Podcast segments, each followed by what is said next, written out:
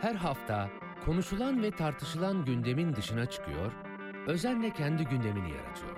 Konuklarıyla telefonda değil, stüdyoda sohbet ediyor. Konuları değil, konukları ele alıyor. Laf lafı açıyor, iki saat şarkı arası bile vermeden Serhat Sarı Sözen'in eşsiz sunumuyla akıp gidiyor. Serhat Sarı Sözen'le gündem dışı her pazar saat 16-18 arası RSFM'de.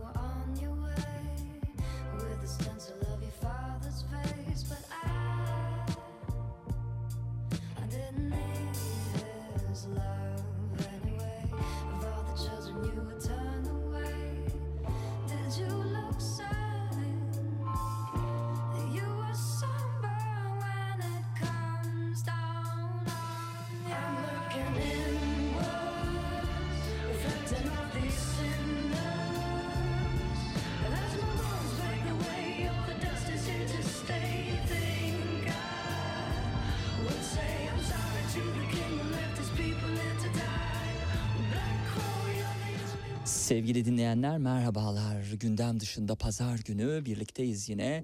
İki stüdyo konumdan ilki aşina olduğumuz bir isim.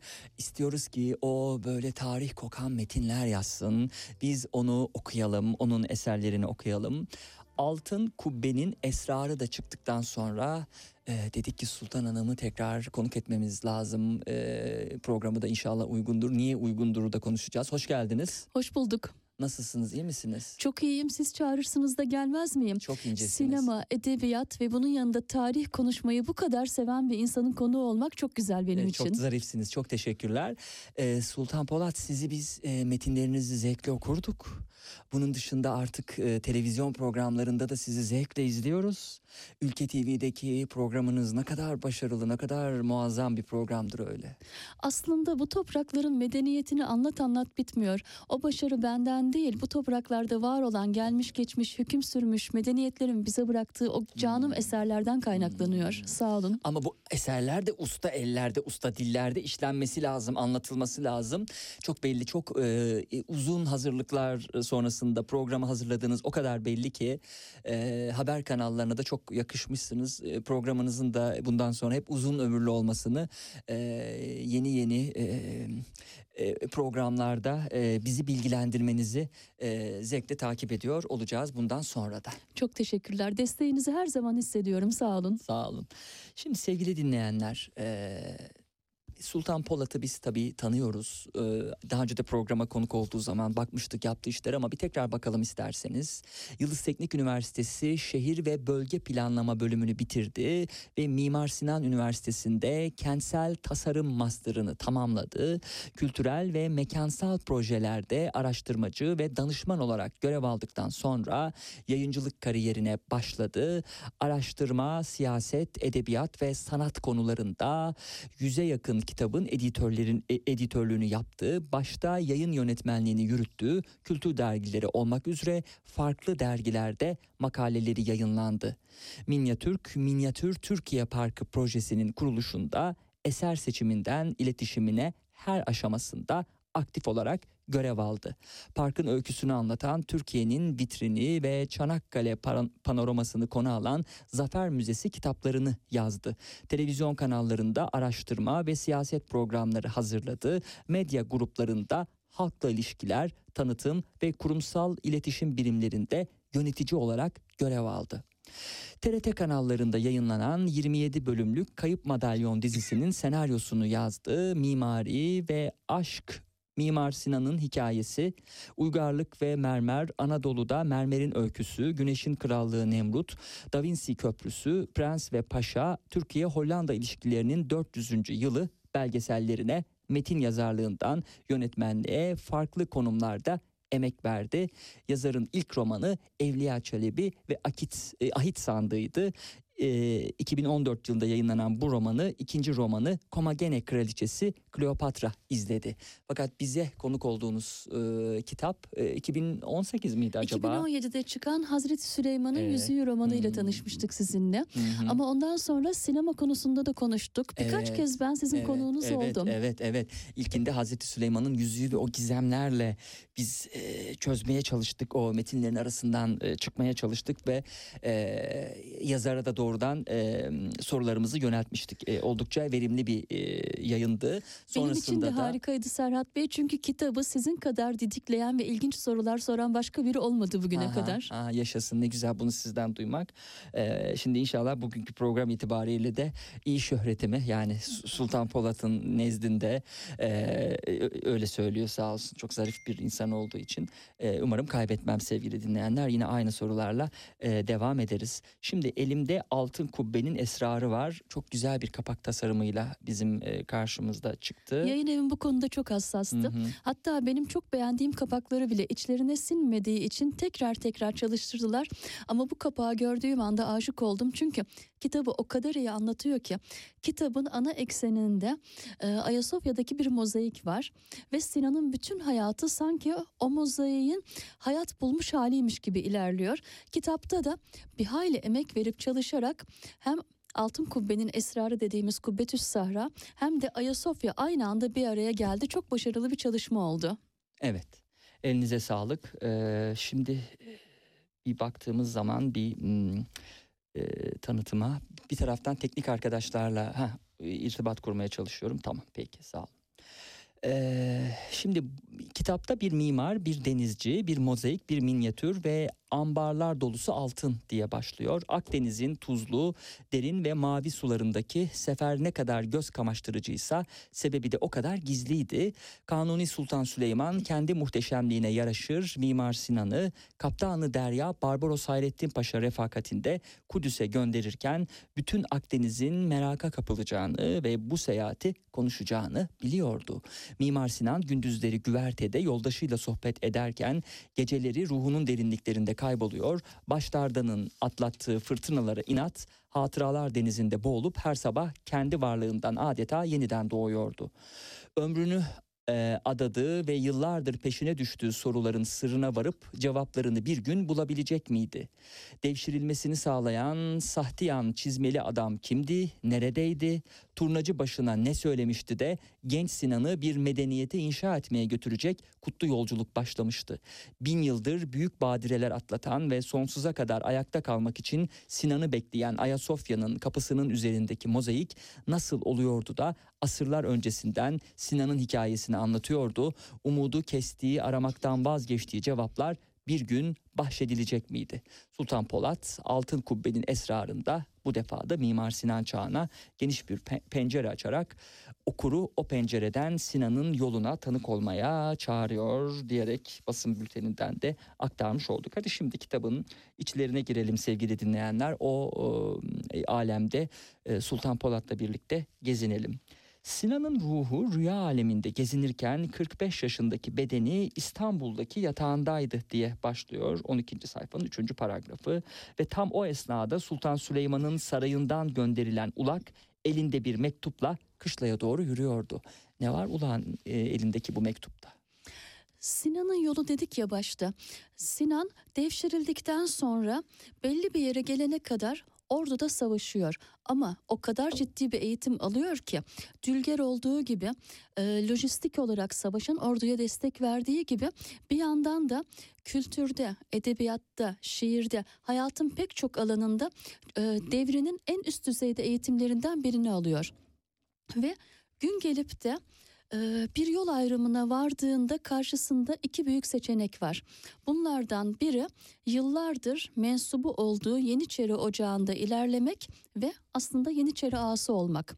Ama diğer tarafta kendisine bir teklifle geliniyor ve Hassa Mimarlar Odası'na geçmesi ve bundan sonra da zaten yıllardır ordunun yol boyu köprülerini, kalelerini, işte araçlarını falan yapan bir insan olarak, kadırgalarını yapan insan olarak hayatını bundan sonra da mimarlık üzerinde yoğunlaştırması teklifi geliyor kurguda ki gerçekte de böyle bir teklifle karşılaştığını görüyoruz ki Sinan'ın hikayesinin çok büyük kırılma noktaları var. Hı hı. Yeniçeri Ocağı'ndan Hassa Mimarlar, Hassa Mimarlar Ocağı'na geçmek gibi.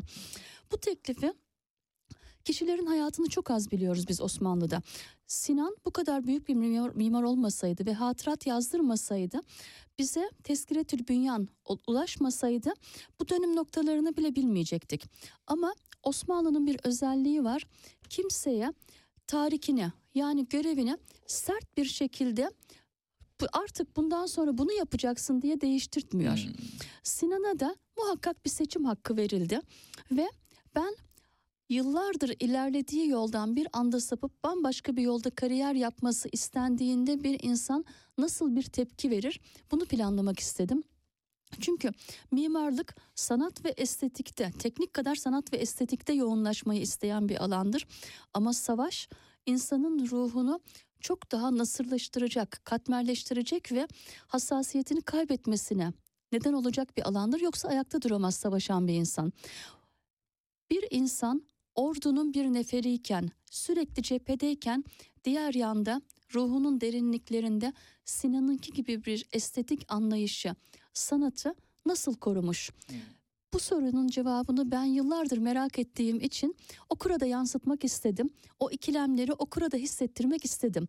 Ee, onun gibi karar anlarını, hayatındaki kırılma noktalarını ön plana çıkaran düğümleri kitapta bu yüzden sizin de fark ettiğiniz gibi çok çok sıkça kullandım. Kitapta hem kapakta gördüğümüz hem içerikte önemli bir yere sahip olan bir mozaik var. Heveslerinden ve anlamlarından sıyrılıp nicedir önünde durduğu mozaiğe bu kez gören gözlerle baktı. Mozaik dünyada İsa'ya adanan ilk başkenti temsil ediyordu. İstanbul'u. Emir Şah'a bahsettiği iki imparator Konstantin ve Justinian'di. Biri kurduğu şehrin surlarının, diğeri dünyanın en büyük mabedinin ma- maketini Meryem Ana'nın dizinde oturan çocuk İsa'ya takdim ediyordu. Kararını o anda verdi. Sultan Süleyman'ın az önce sorduğu soruyu yapacağı bir maketle cevaplayacaktı diye sürüyor. Ayasofya'nın İmparator Kapısı üzerinde muhteşem bir mozaik var. Ve ben Ayasofya'ya her gittiğimde o mozaiği saatlerce seyrederim. Bakmaya doyamam. Bilgisayarımın da çok uzun bir süre ekran koruyucusuydu. Masanın üzerinde o görüntü vardı.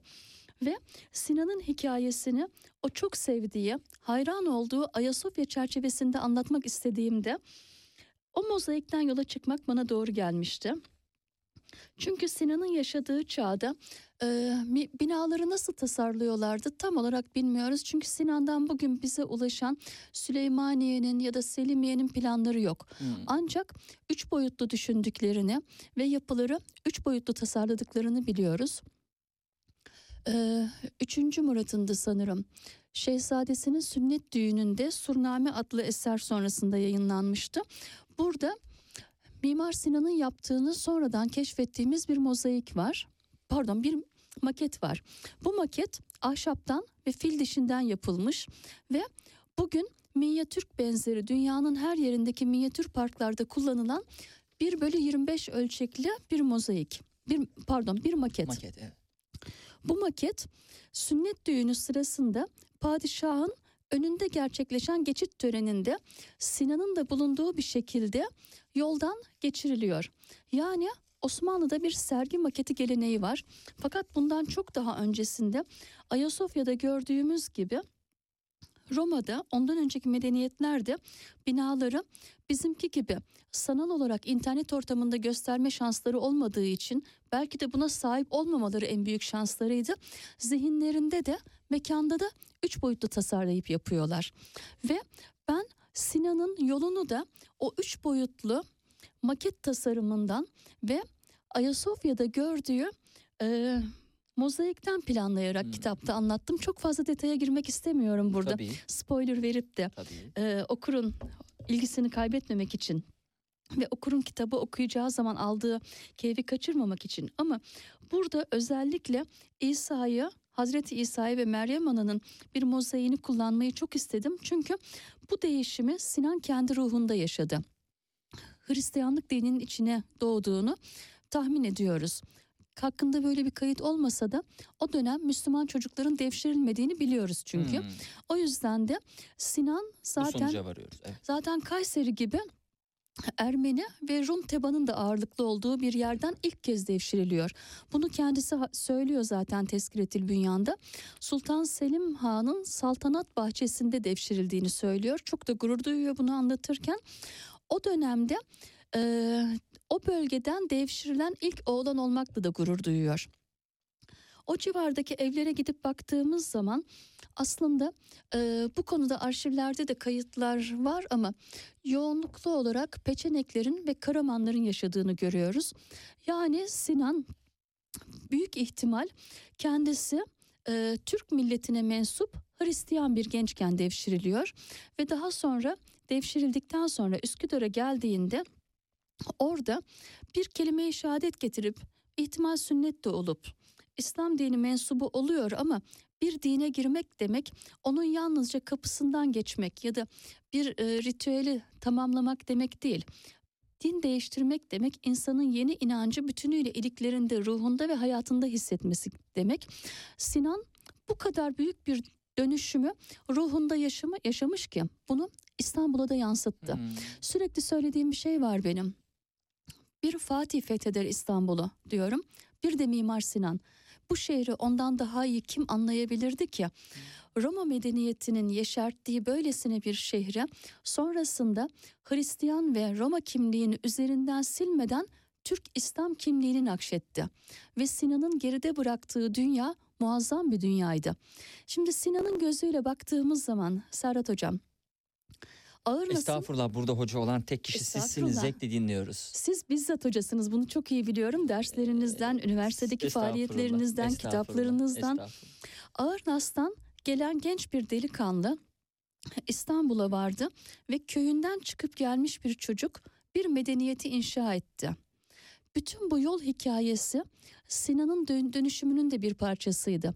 Ancak bir an gözlerimizi kapatsak ve düşünsek Sinan'ın hiç devşirilmediği, Hmm. İstanbul'a getirilmediği ya da Yeniçeri Ocağı'nda yoluna devam ettiği, Hassam Mimarlar Odası'nın başına geçmediği bir İstanbul, bir Marmara bölgesi, bir Türkiye ve hatta bir Osmanlı coğrafyası bugün nasıl olurdu? Hmm.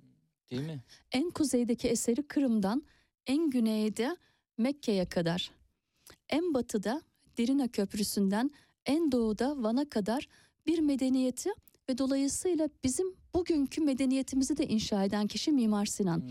Sinan hiç olmasaydı gözümüzü kapattığımızda Ayasofya'nın kubbesi ihtimal çökmüş oluyor. Hmm. Çünkü onun onarımlarıyla bugün Hmm. ayakta. Minareleri olmuyor. Yalnız Sinan'ın yaptığı, inşa ettiği Süleymaniye değil. Yeni cami de olmuyor. Sultanahmet de olmuyor. Ta doğuda, Hindistan'da Taç Mahal de olmuyor. Mostar Köprüsü de olmuyor. Bu medeniyetten Sinan'ı çıkardığımız zaman ihtimal başka biri yetişecekti. Ama o Sinan olmayınca o da kendi damgasını vurmuş olacaktı. Dolayısıyla Aynı şey olmayacaktı Aynı yani. şey olmayacaktı. Üstelik modernizmin en büyük mimarı Le Corbusier diyor ki mekanı bir ben anladım bir de Sinan. Hmm.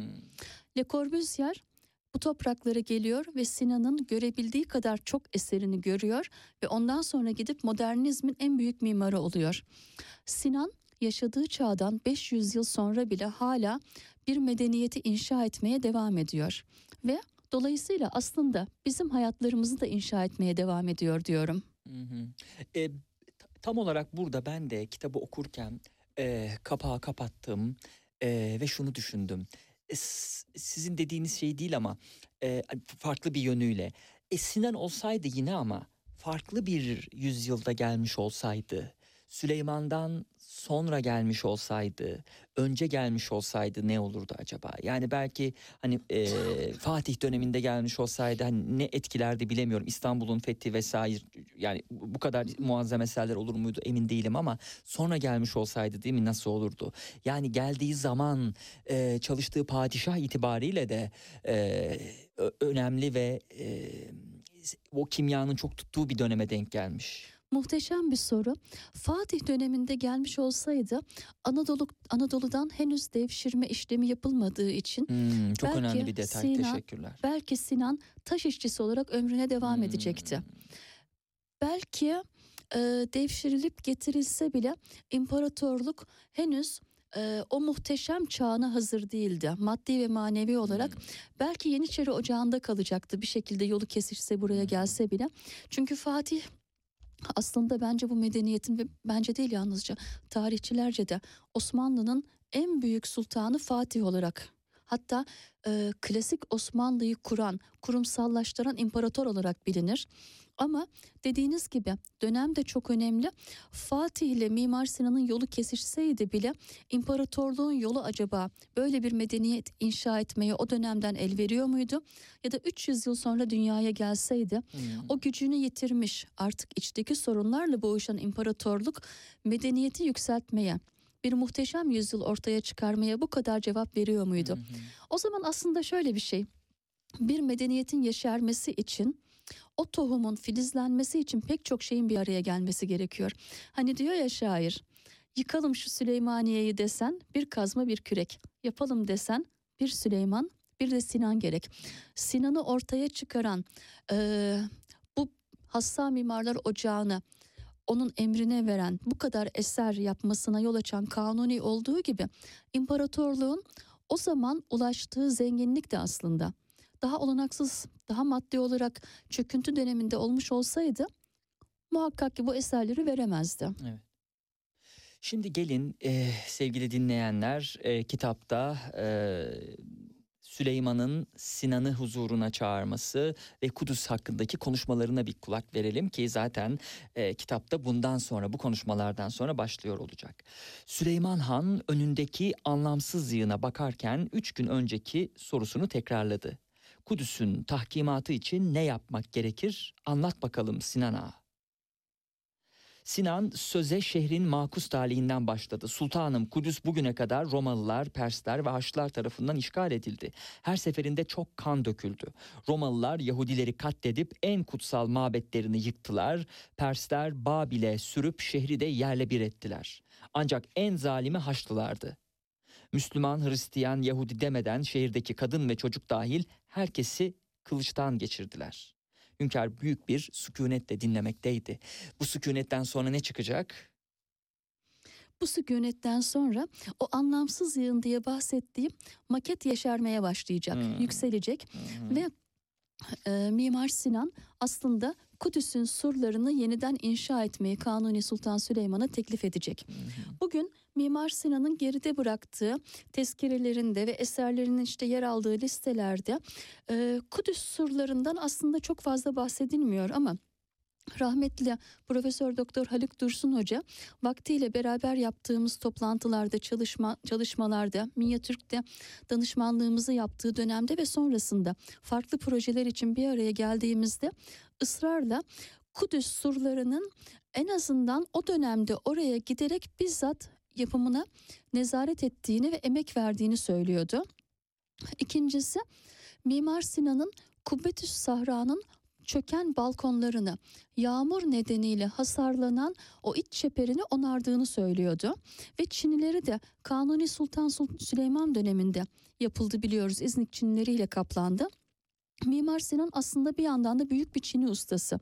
Ayasofya'nın bahçesindeki Sultan Mur- Murat Türbesi'nin önündeki Çinileri mesela kendisi bizzat yapmışken dikkatinizi çekmiştir. Ee, sağ taraftakiler sırtınızı türbeye döndüğünüz zaman bütün canlılığıyla oradadır ama sol taraftakiler çok soluktur. Çok sonrasında onarım için gelen Fransızlar çalıp götürmüşler ve yerine saatesini yapıp getirip takmışlar, Hmm, monte etmişler. hı.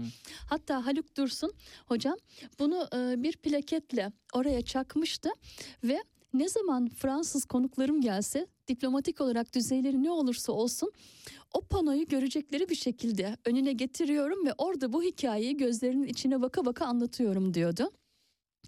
Kanuni dönemi çok e, Osmanlı'nın ilginç dönemlerinden biri.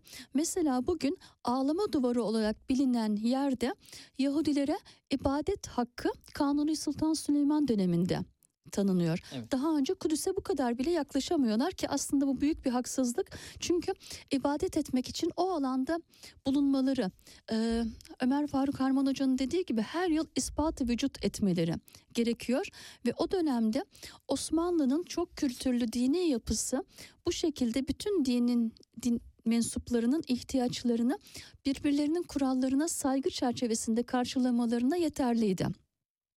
O yüzden de kanuni medeniyetinde e, böylesine muhteşem eserler verildi ve Osmanlı barışı denen bir e, çağ ortaya çıktı diye düşünüyorum. Hı hı. E, kitapta tabii biz birçok kavramı da öğreniyoruz. E, bunlardan e, birçoğu kurgu olmayan kavramlar. Yani Sultan Polat'ın e, bunu böyle adlandırayım demediği kavramlar. En azından ben öyle umut ediyorum. Muallak kayası bunlardan biri. Değil mi? Muallak kayasına baktığımız zaman kutudan yontulmuş bir taş parçası çıkartıp tabii şu an hala maket üstündeyiz sevgili dinleyenler. Toprağın ortasına sabitledi. Yahudiler başlangıç taşı derler ve Rabbin dünyayı yaratmaya bu kayadan başladığına inanırlar. Hristiyanlar Mesih'in bu kaya üzerinden dünyaya dönmesini beklemekteler.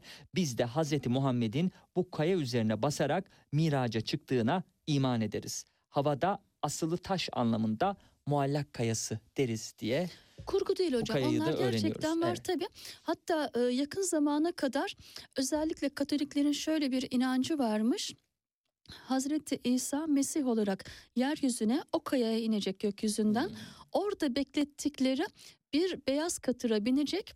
Kubbetüs Sahra'nın içine girecek ki onlar Süleyman Mabedi'ni yeniden yapmayı biliyorsunuz. Hı hı. istiyorlar. Bu kayanın Orada- yapıldığı tabii, tabii, yer zaten. yer. Evet. Orada kaybolup aynı şekilde Ayasofya'nın içinde belirecek ve Ayasofya'dan çıkacak diye bir inançları var. Hmm. Hatta şeyde Ayasofya'da ana giriş kapısında imparatorlar sürekli kapıdan içeri girerken eğilip önce eşik taşını öper sonra içeri girerlermiş ki Hazreti İsa'nın o zaman İstanbul'daki Ortodokslar da imparatorluk da buna inanıyor. İsa'nın e, Kudüs'te kaybolup yeniden Ayasofya'nın içinde ortaya çıkabileceklerine dair inanç 1940'lara 50'lere kadar yaşadı deniyor. Hı hı. O yüzden de aslında Ayasofya ile Kubbetüs Sahra yalnız hikayeleriyle, efsaneleriyle, tarihiyle değil aslında bu tip inanç merkezleriyle de birbirine bağlı. Bugün bugüne kadar bu iki eseri hala birbirine bağlayan çok fazla anlatı var. Bir anlamda da Mimar Sinan'la tekrar bağlanıyorlar. Çünkü Hmm. Ayasofya'nın kubbesini onarıp bugüne erişmesini sağlayan da Sinan. Hı. Aynı şekilde Kubbetüs Sahra'nın kubbesini yeniden onaran da Sinan. Bu konuşmayı yaparken e, padişahla e, Ayasofya'nın kubbesi onarılmış mıydı yoksa sonra mı olacak bu iş? Sonra onarılacak. Şimdi padişahla Kanuni ile bu kadar yüz yüze konuşmaları benim kurgum. Hı hı. Gerçekte bu kadar fazla bir araya gelebiliyorlar mıydı derseniz aslında çok ihtimal vermiyorum. Hmm. Çünkü Kanuni e, bütün bir imparatorluğa bir insanın 24 saatini verip de hakim olması mümkün değil. Bu kadar detayda olması mümkün değil. Vezirleri ve alt kadroları aracılığıyla bu tip işler yürüyorlardır diye düşünüyorum. Hmm. Ancak e, ikisinin birkaç kez bu kitapta anlatılan nargile olayı falan gibi vesilelerle bir araya geldiklerini biliyoruz. Bir insanın müşterisinin padişah olması, cihan padişahı olması ve döneminin en büyük imparatoru olması aslında hiç kolay bir şey Hmm, değil. Doğru. Hatta Fatih'in döneminde e, eseri vaktinde yetişmediği için kelle vermiş bir Hmm, mimarbaşı hı. olduğunu bilirken aslında e, Mimar Sinan da bir anlamda sürekli Sırat Köprüsü üzerinde cambaz Hmm. gibi bir ip üzerinde de yürüyerek iş yapıyordu diyebiliyoruz. Hmm, Bittikten sonra tabii e, biz onu Mimar Sinan olarak bu kadar değil mi e, sarsılmaz bir mimar olarak değerlendiriyoruz. Aslında onu yaparken o döktüğü terleri tarih biliyordur. Tarih bilir, Allah bilir. Evet. Mesela hep denir ya, e, Leonardo da Vinci İstanbul'a gelmek ve burada eser vermek için çok çırpınıyor. Hmm. İkinci Beyazıt'a yazdığı bir mektuba e, imparatorluğun verdiği cevap var ki çağının en büyük iş başvurusu olarak geçiyor. Ama Leonardo da Vinci'nin öyle bir özelliği var ki üzerine aldığı hiçbir işi bitirip teslim etmemiş. Zaten öyle CV'sinde buraya yaptığı iş başvurusunda bahsettiği gibi işte köprüler, işte büyük binalar, tüneller vesaire hiçbirini yapmamış olması bir yana Mona Lisa'yı bile parasını aldığı halde ömür boyu çantasında gezdiriyor ve teslim Hmm. etmiyor. Hmm.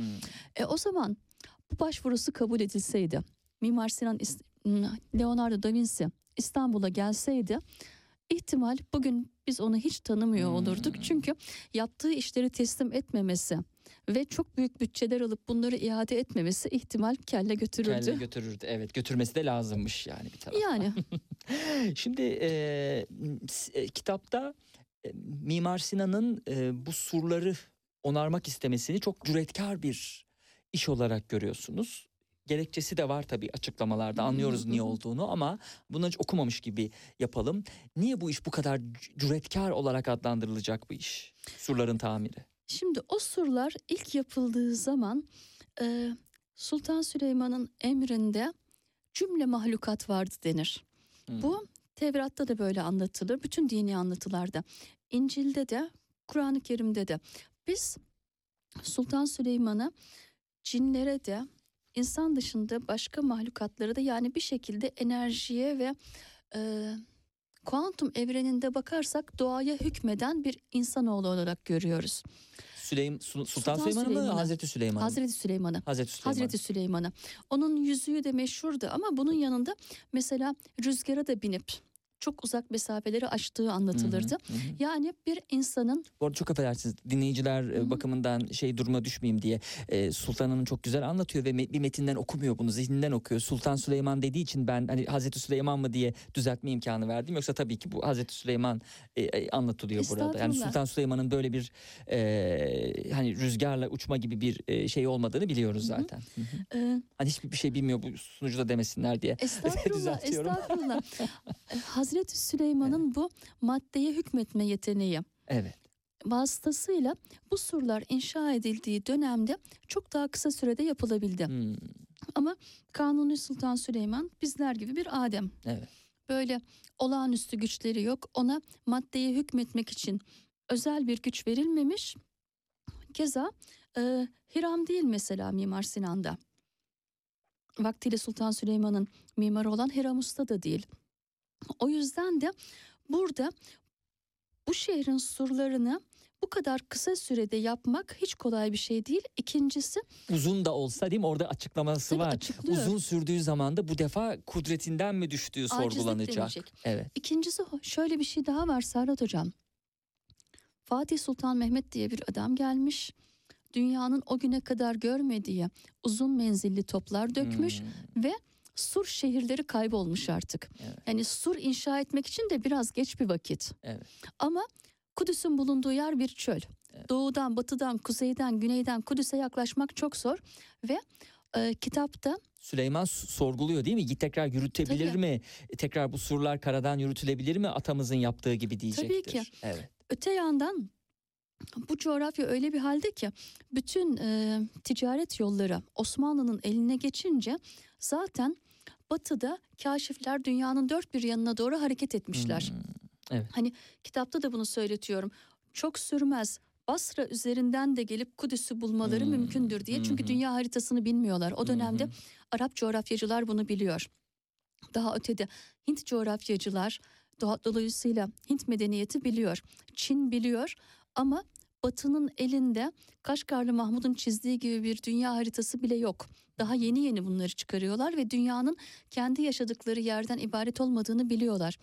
Mesela vaktiyle e, Kristof Kolomb gidip de kraliçelerden, krallardan gemiler dilenirken diyeyim çünkü kelimenin tam anlamıyla böyle yalvararak temin etmeye çalışırken o coğrafyada en çok sorulan soru şu Hindistan nerede? Hindistan'ın yerini bile bilmiyorlar. Hmm, Büyülü bir kıta olduğunu biliyorlar. hı. Orada mücevherler içinde bir e, imparatorluk olduğunu biliyorlar ama yerini bilmiyorlar. Aynı şekilde Akdeniz bir Türk gölü ancak Barbaros'u ve diğer e, bizim donanmalarımızı aşıp da denizden Kudüs'e gitmenin hiçbir yolu yok. Ama orada Kanuni'nin de Mimar Sinan'ın da kullandığı onlara ithafen kullandırdığım bir cümle var. Dünya böyle gitmeyecek. Bir gün muhakkak keşfedecekler ve yeniden bu surlara dayanacaklar.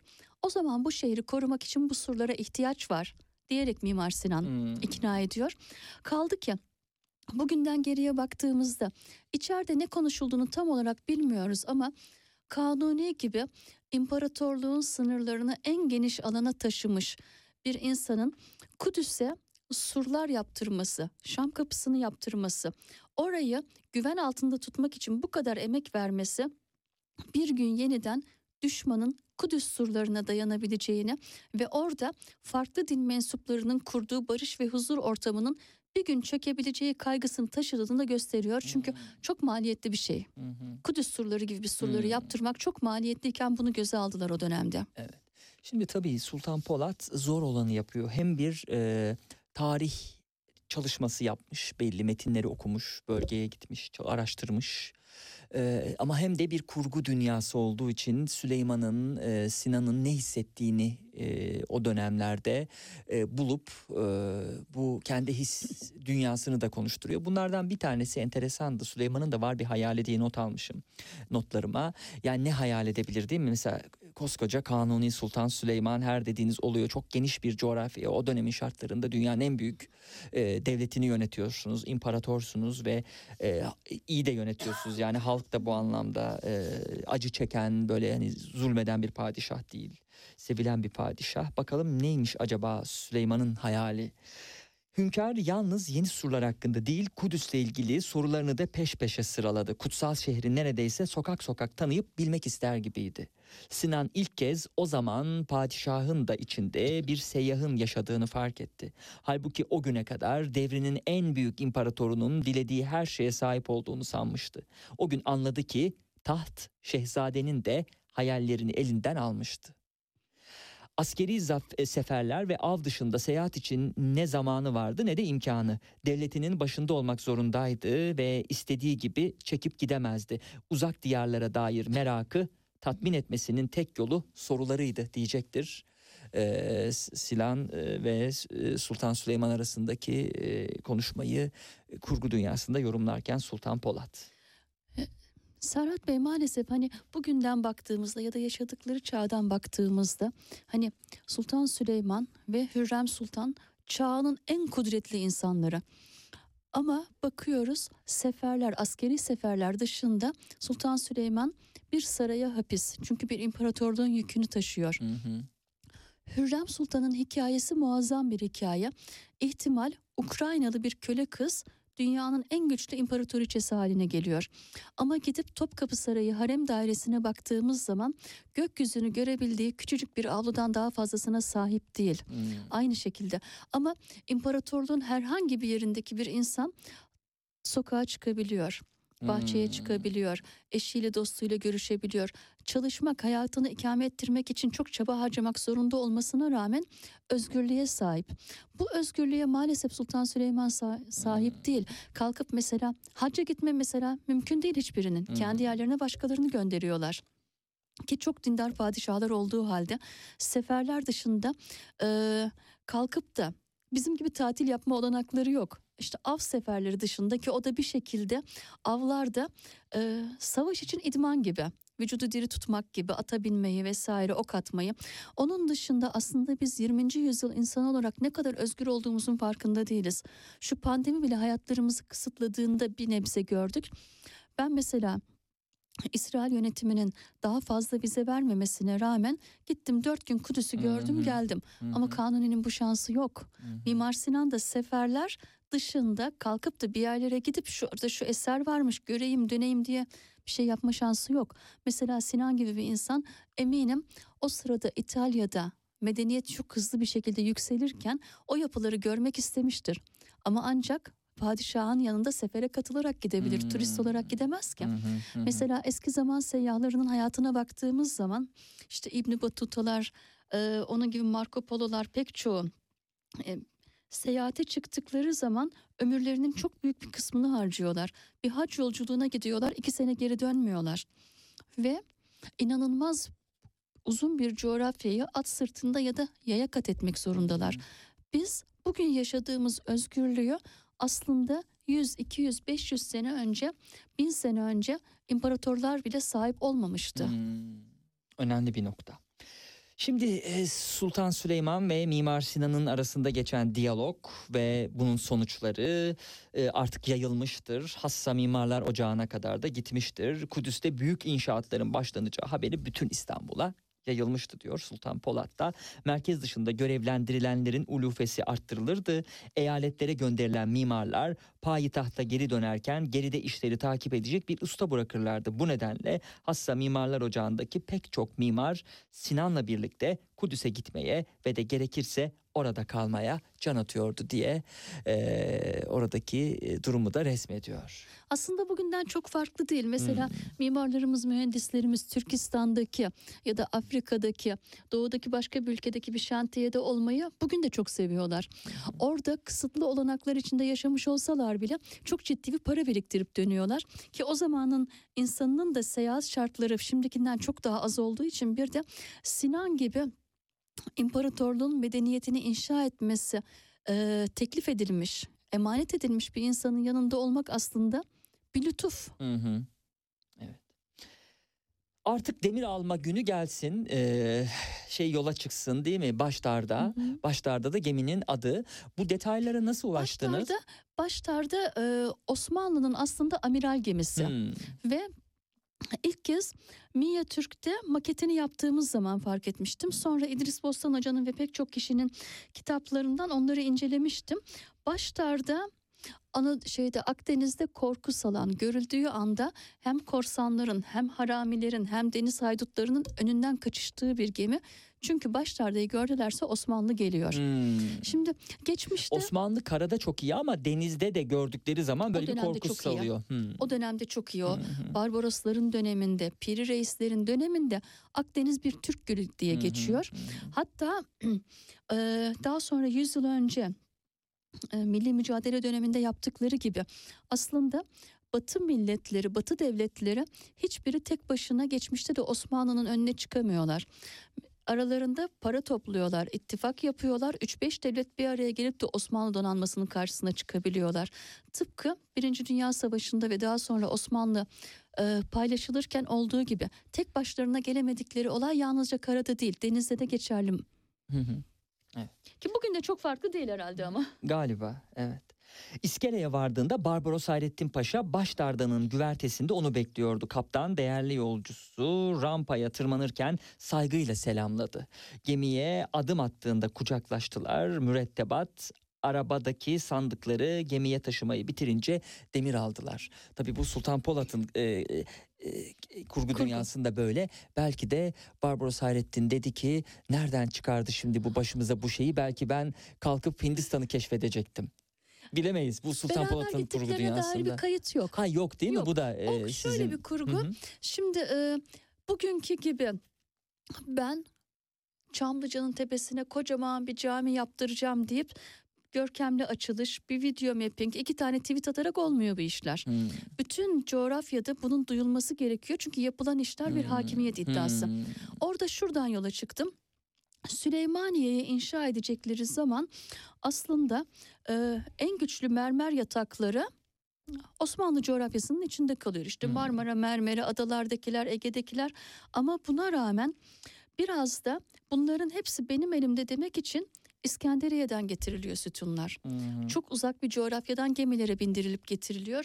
Çünkü vinçlerin o 30-40 metre uzunluğunda tonlarca ağırlıktaki yekpare bir mermer sütunu arabalara yükleyip şehrin içinden geçip upuzun bir yoldan gö- götürmesi, sahilde bir gemiye yüklenmesi, sonra gemiden getirilip Haliç'te indirilip tekrar Süleymaniye'ye kadar taşınması aslında imparatorluğun hem sınırlarının genişliğini gösteriyor hem de yaptığı faaliyet için malzeme toplarken bile dünyanın her tarafına yaptığı işi duyurmasını hmm. sağlıyor. Hmm.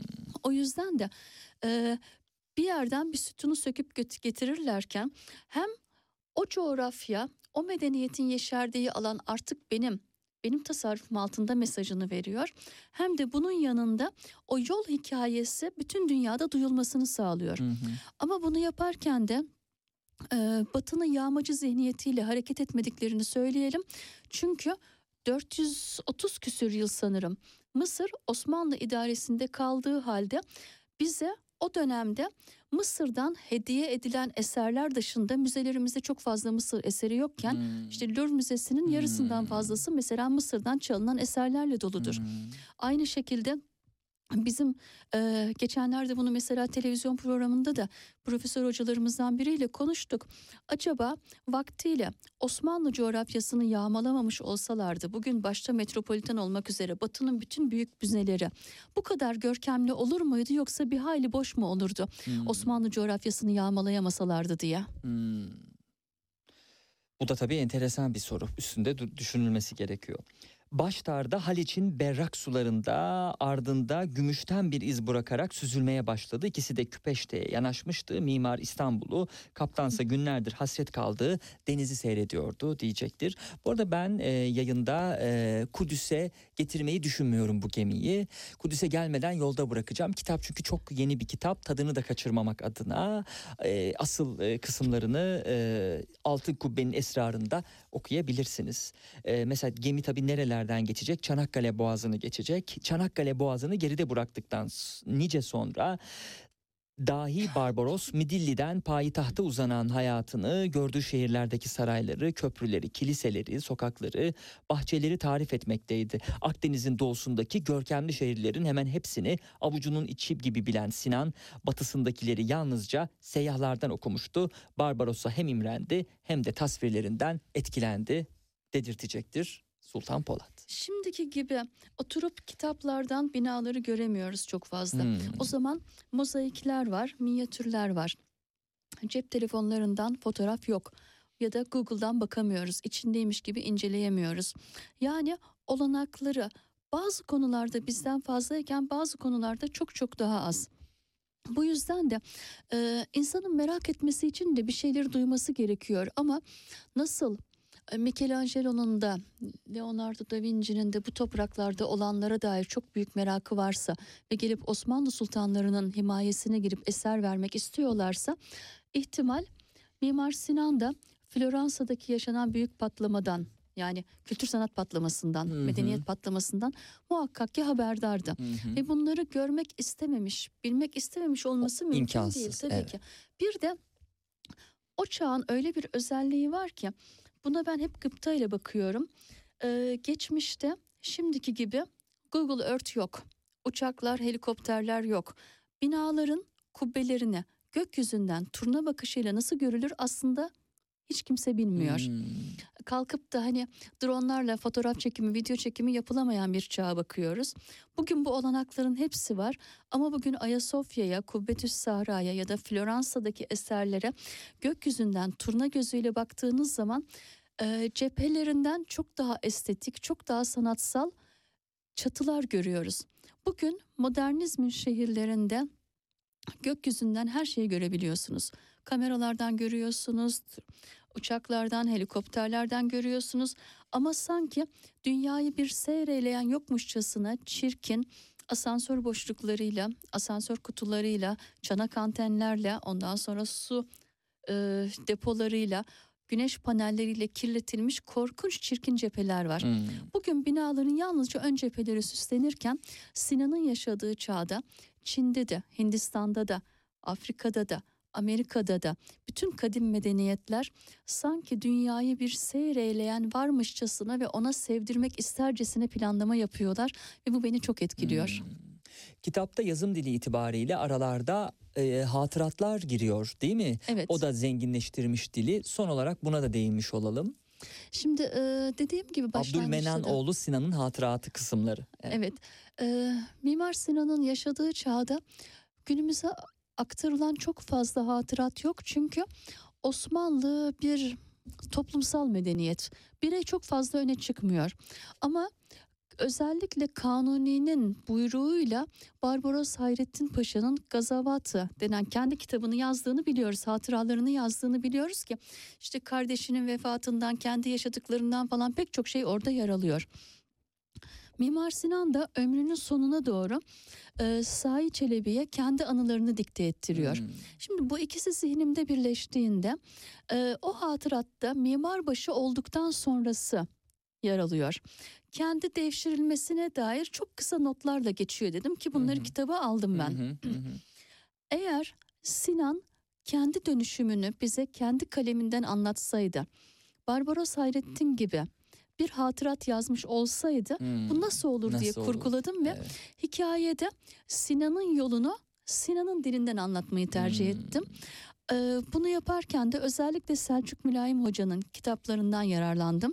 Sinan'la ilgili 20 sene önce maalesef çok çok az kaynak varken bir dönem e, şeyde Çekül Vakfı'nda Sinan'la ilgili bir araştırma yapıyordum. Sağ olsun Metin Sözen Hoca'nın derlediği kitaplar iki rafı anca buluyordu Hmm. Türkiye'de 20 sene önce. Hatta oturup saatlerce Metin Sözen Hoca ile sohbet ediyordum. Onun deneyiminden anlattıklarından yararlanmak için. Bugün benim evimdeki o naçizane kütüphanemdeki Sinan kitabı sayısı bile daha fazla. Hmm. Bugün Sinan'la ilgili bir kitaplık kuracak, bir kütüphane kuracak kadar artık bu ülkede yayın var. Yani son 20-30 yılda bu alanda çok ileriye gittik. O yüzden de ben buna Sinan'ın yolunu biraz da kendi dilinden hatırat olarak aktarmaya çalıştım. Elinize sağlık. Bir saat bitti bu arada. Bir Oo. dakika içinde 7 Kaçıyorum. 5 haberlerine bağlanacağız. Sultan Polat çok teşekkür ediyoruz geldiğiniz ben için. teşekkür ederim. Ee, size Enis Cevdet'in Mübarek Mahluk Efendi kitabını seçtim Kara Karga yayınlarından hediye Ah, etmek çok istiyorum. teşekkür ederim. Hemen okuyacağım. Biz teşekkür Sağ ederiz. olun. Sağ olun. Sultan Polat Sizinle sohbet çok keyifliydi. Bizim için de öyle. Sultan Polat programın ilk e, kısmında konuğumuzdu sevgili dinleyenler. Saniyeler içerisinde 17 haberlerine bağlanıyoruz. Haberlerden sonra ikinci kısımda birlikteyiz. Her hafta konuşulan ve tartışılan gündemin dışına çıkıyor, özenle kendi gündemini yaratıyor. Konuklarıyla telefonda değil, stüdyoda sohbet ediyor. Konuları değil, konukları ele alıyor. Laf lafı açıyor, iki saat şarkı arası bile vermeden Serhat Sarı Sözen'in eşsiz sunumuyla akıp gidiyor. Serhat Sarı Sözen'le gündem dışı, her pazar saat 16-18 arası RSFM'de.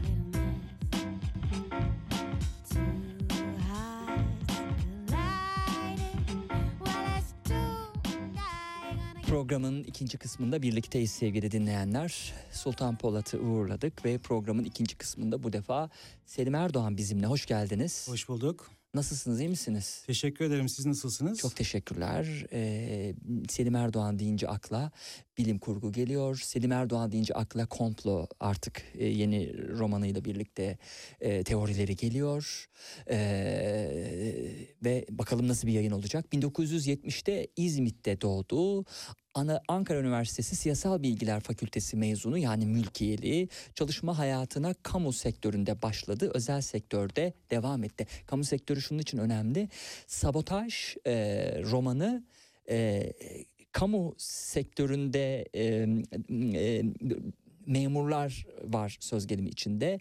E, derin komplo teorileri içeriyor. Liyakatsızlık var mesela. Dolayısıyla çok iyi gözlemlere dayalı olması lazım. Eğer kamu sektöründeki görevini yapmasaydı, o gözlemlere sahip olmasaydı kendi hayatında da hani bu kadar detaylı karakter yaratımını tamamlayabilir miydi? Yani o işte e, orgenerali yaratabilir miydi ya da işte Nihat Selvi karakterini yaratabilir miydi? Çok emin değilim. Çok emin değilim. E, dolayısıyla e, hayat tecrübesi e, metinlere yansırken e, epey işe yaramış gibi gözüküyor. Özel sektörde sermaye piyasaları ve enerji sektörlerinde çalıştı.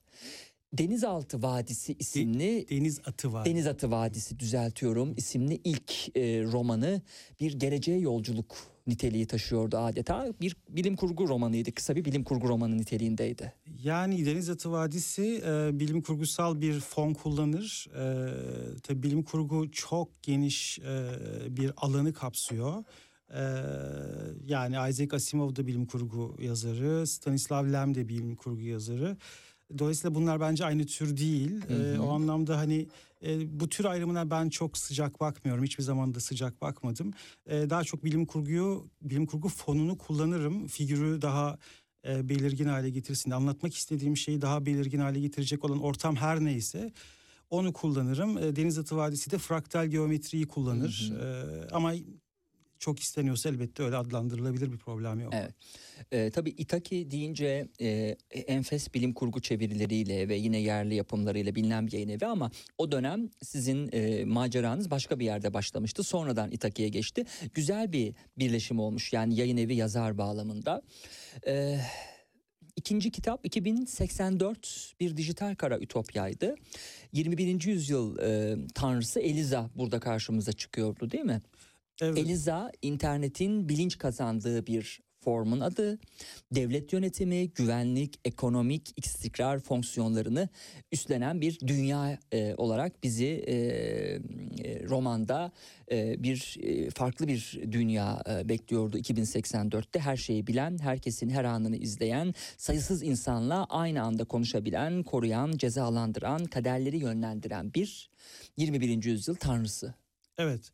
E, 2084 e, dü yazmaya 1990'larda e, tasarlamaya başlamıştım.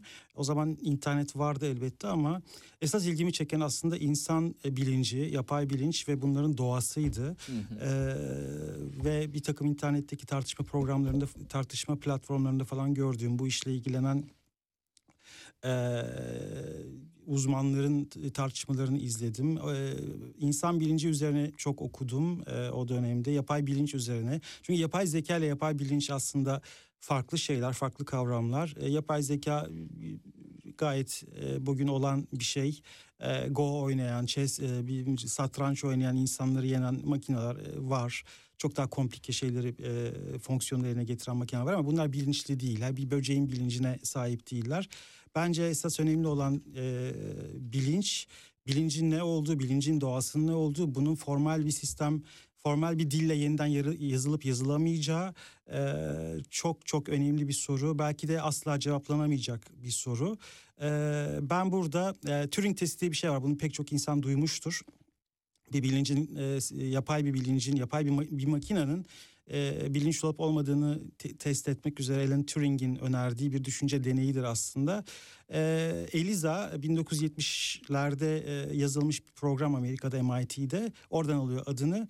İnternetteki her bir, interneti oluşturan her bir e, birimin bugün cep telefonları dahil tek tek nöronlar gibi davrandığı ve e, dünyayı kapsayan e, sayısız kamera, sayısız sensörle veri alan e, bir beyin gibi davranıp davranmayacak davranmayacağını tartışan bir roman aynı zamanda. Tabii böyle bir dünya tasarlıyor ve bu böyle bir dünyada Eliza'nın kontrolündeki bir dünyada dijital olarak kimliğinizin e, e, kimliğinizin dijital olarak var olduğu ve bu eğer bu kimlik yoksa asla var olamayacağınız bir dünyada isyan etmenin mümkün olup olmadığını da tartışıyor aynı zamanda.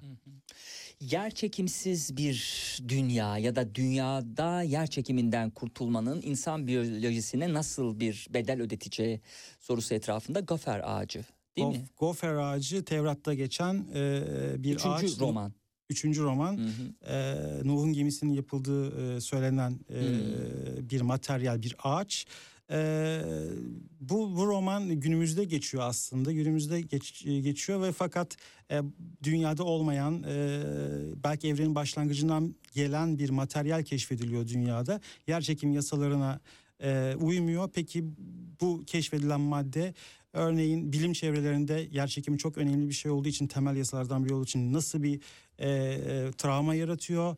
E, peşine düşen finansçılar, e, venture capital e, sahipleri ya da yöneticiler açısından e, nasıl paraya çevrilebileceği çünkü çok devrimsel bir şey e, konusu tartışılıyor ve bir de bir de bir tarikat var e, Guefer ağacı olarak kullanıp bunu e, dünyanın yer çekiminden kurtulup yıldızlara gitmek isteyen e, bunların arasında geçen bir çekişmeyi anlatan bir macera romanıdır Gofer Ağacı. Eh, tabii şimdi ilk defa programımıza konuk olduğu için Selim Erdoğan bütün e, yazdığı kitaplarına sabotaja kadar bir dokunalım istiyoruz. Eh, sonra dördüncü roman Trinidad'ın dönüşü geldi. Evet. Eh, dünyadan dört buçuk yıl ışık yılı değil mi Evet. Eh, uzakta karanlık bir gezegenden gelen bir yardım sinyali. Evet. Eh, acaba e, daha önce bir görevde kaybolan personele mi ait yoksa başka bir yaşam formu da var mı? Başka dünyalar var mı? Ee, sorusunu da sorgulatan, evrende bizimki gibi dünyalar var mıydı ve bize ne kadar benzeyebilirlerdi? Paralel evrenler teorisi fizikçilerin fantazisi miydi yoksa donmuş kargaları, kıyıları, değişmiş kıtaları, kül tepecikleriyle dolu binaları açıklamanın tek yolu muydu soruları etrafında Trinidad'ın dönüşü de e, yazarın dördüncü romanı olarak okuyucuyla buluşmuştu. Evet.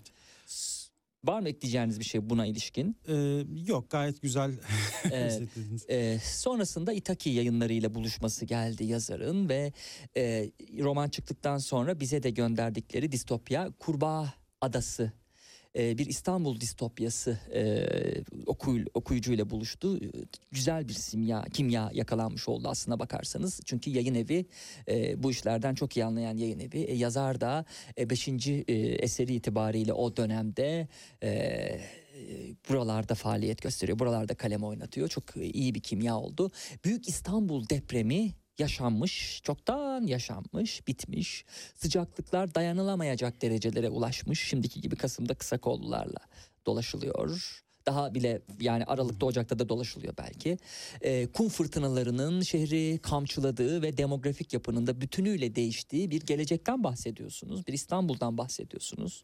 Bu tarz eserleri de çok önemsiyorum. Çünkü e, ben küçükken hatırlıyorum. E, mesela dinozorlar New York'a gelirdi. Central Park'ta dolaşırlardı filan. Biz işte e, Türkiye'de yaşayan insanlar olarak orayı anlamaya çalışırdık. Fakat şimdi İstanbul'da yaşanan felaketlere daha e, kolay metinler bizi çekebiliyorlar. Evet, e, Kurbağa Adası e, aslında Kurbağa Adası gelecekte geçen bir kitap ama e, son 1-2 yıl içerisinde öyle şeyler oldu ki e, o gelecek biraz öne çekilmiş Hmm, bile olabilir, sayılabilir. doğru. O, o kitapta bugün olmayan, e, bugün işareti, tohumu e, olmayan herhangi bir şey e, zannediyorum yok. E, teknolojik olarak e, son zamanlarda gördüğüm e, şeylerden bir tanesi de e, ALV'ler var mesela Airland Vehicle adını verdiğim e, bir Çin firması bunları üretmeye başladı. Belki yakında e, ticari olarak da e, kullanıma piyasaya sürülecek hem karada hem e, havada gidebilen trafik sıkıştığı zaman yükselebilen e, arabalar e, quadrocopterler diyelim.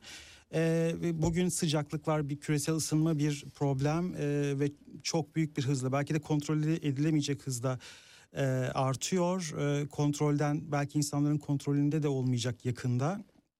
Umuyorum böyle bir şey olmaz. Demografik yapının Türkiye'de nasıl değiştiğini son yıllarda zaten e, gördük. Kitapta bir gıda krizinden sonra e, Güneydoğu Asya'dan doğudan gelen ve Türkiye'yi bir e, bekleme istasyonu olarak kullanan e, göçmenlerden, yasa dışı göçmenlerden diyeyim e, bahsedilir.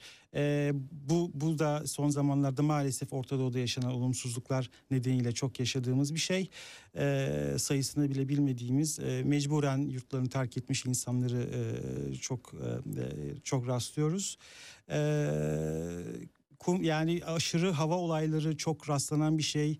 E, no, yağış düzeninin bozulması, çok kısa sürede içe- içerisinde çok yoğun yağışların yaşanması, seller, e, aşırı rüzgar olayları, fırtınalar, e, Anadolu'da pek görülmeyen hortumlar. e, bunlar da yavaş yavaş görülmeye başlandı maalesef.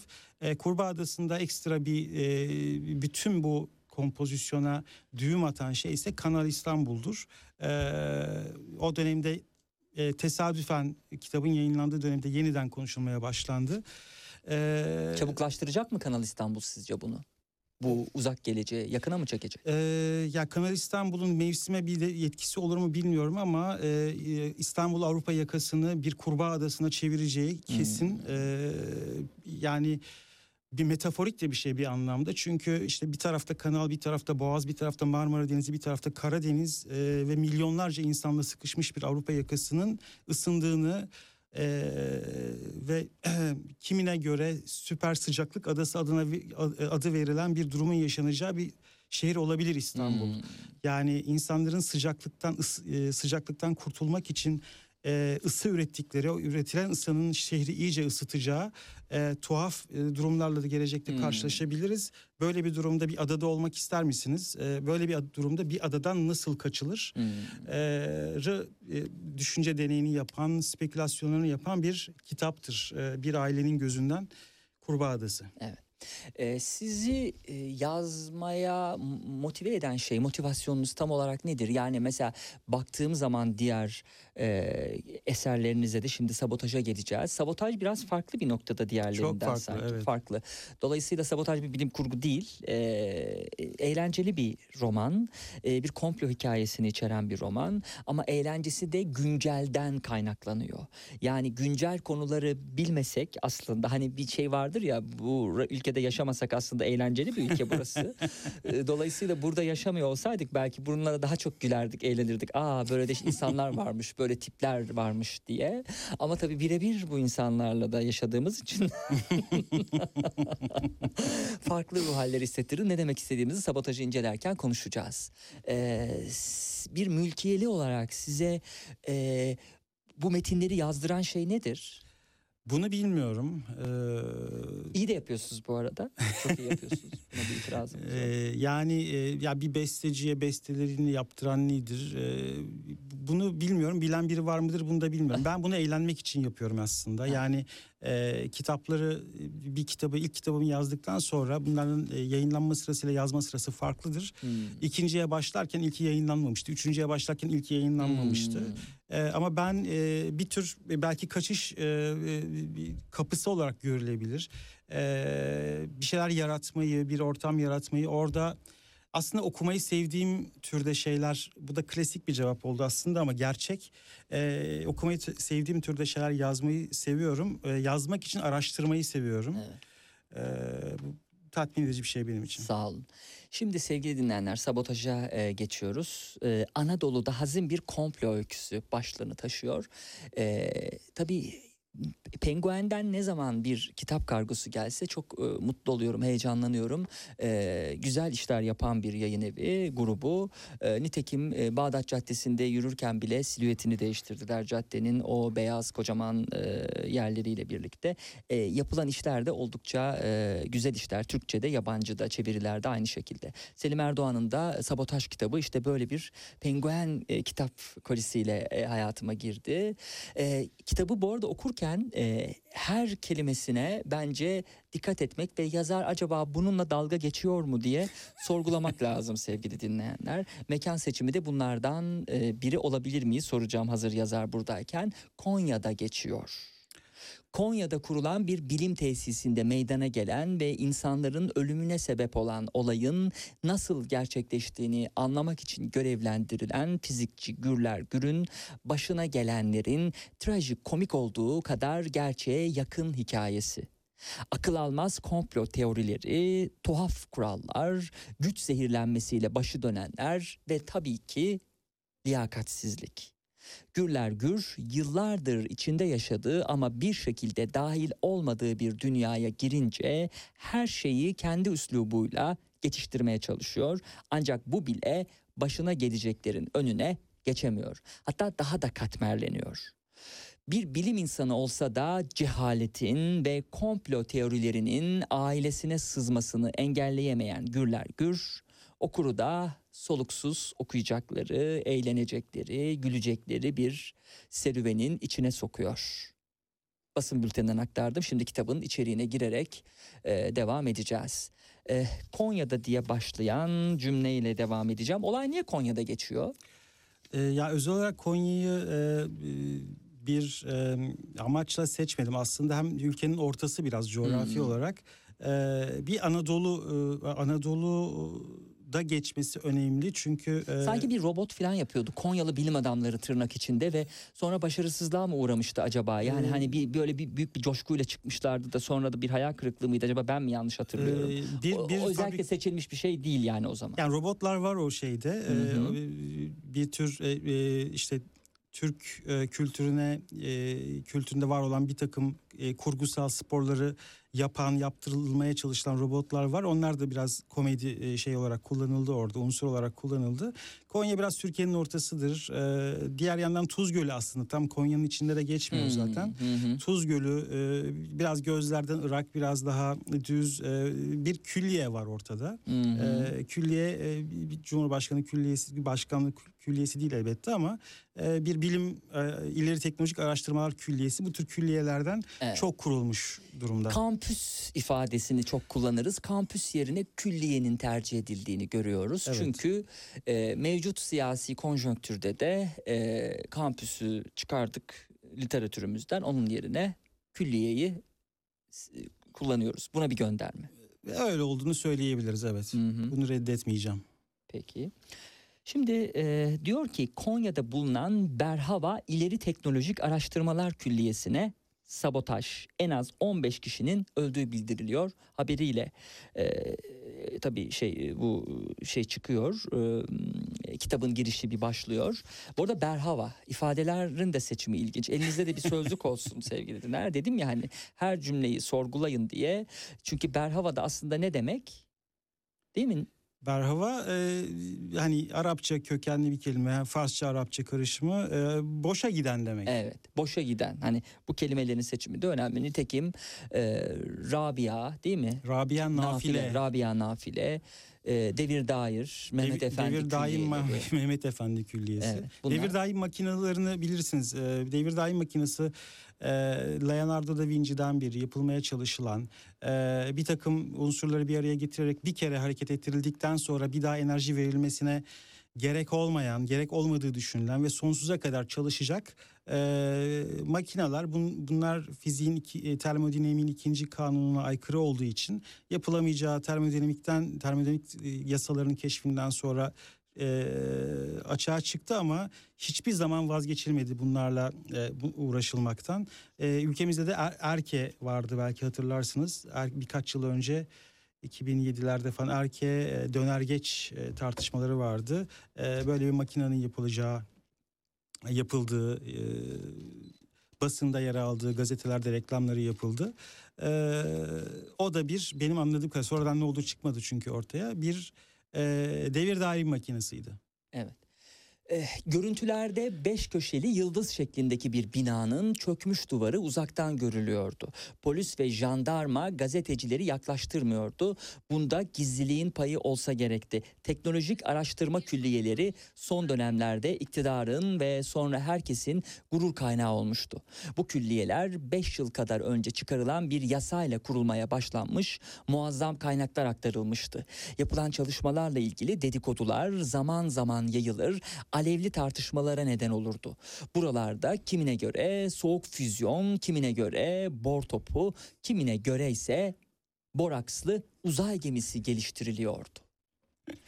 TÜBİTAK'tan ve bazı üniversitelerden destek alınıyordu. Hemen her haber kaynağında aynı metin vardı. Çok gizli teknolojik araştırmalar yapılan külliye, yabancı gizli servis ve hükümetlerin de hedefindeydi.